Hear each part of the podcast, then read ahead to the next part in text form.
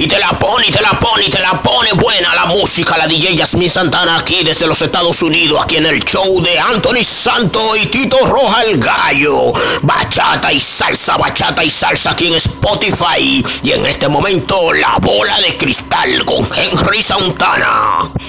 La bola de cristal. La bola de cristal viene siendo esta bola que yo tengo aquí que me vas a decir en este momento, a partir desde el 2022, cómo será la administración pública en nuestro país, República Dominicana, y en otros países internacionales. Vamos a ver qué me dice la bola de cristal.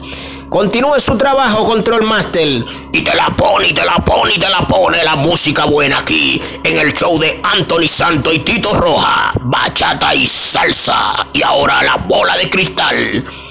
La bola de cristal me dice aquí que a partir desde el año que entra, 2022, en vez eh, vas a renacer, será algo como milagroso por vía de Dios.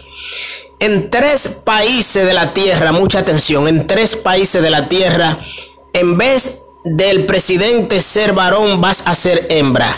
A partir desde el 2022, nace una presidenta hembra especialmente para República Dominicana. O sea, en las próximas elecciones hay mucha posibilidad, lo dice aquí en la bola de cristal, que nuestra presidenta o nuestro presidente de nuestro país, en vez de ser varón, vas a ser hembra. O sea, renace una mujer como presidenta para República Dominicana y para dos países más internacionales. La bola de cristal, la bola de cristal. Aquí en el show de Anthony Santo y Tito Roja, bachata y salsa, bachata y salsa en Spotify.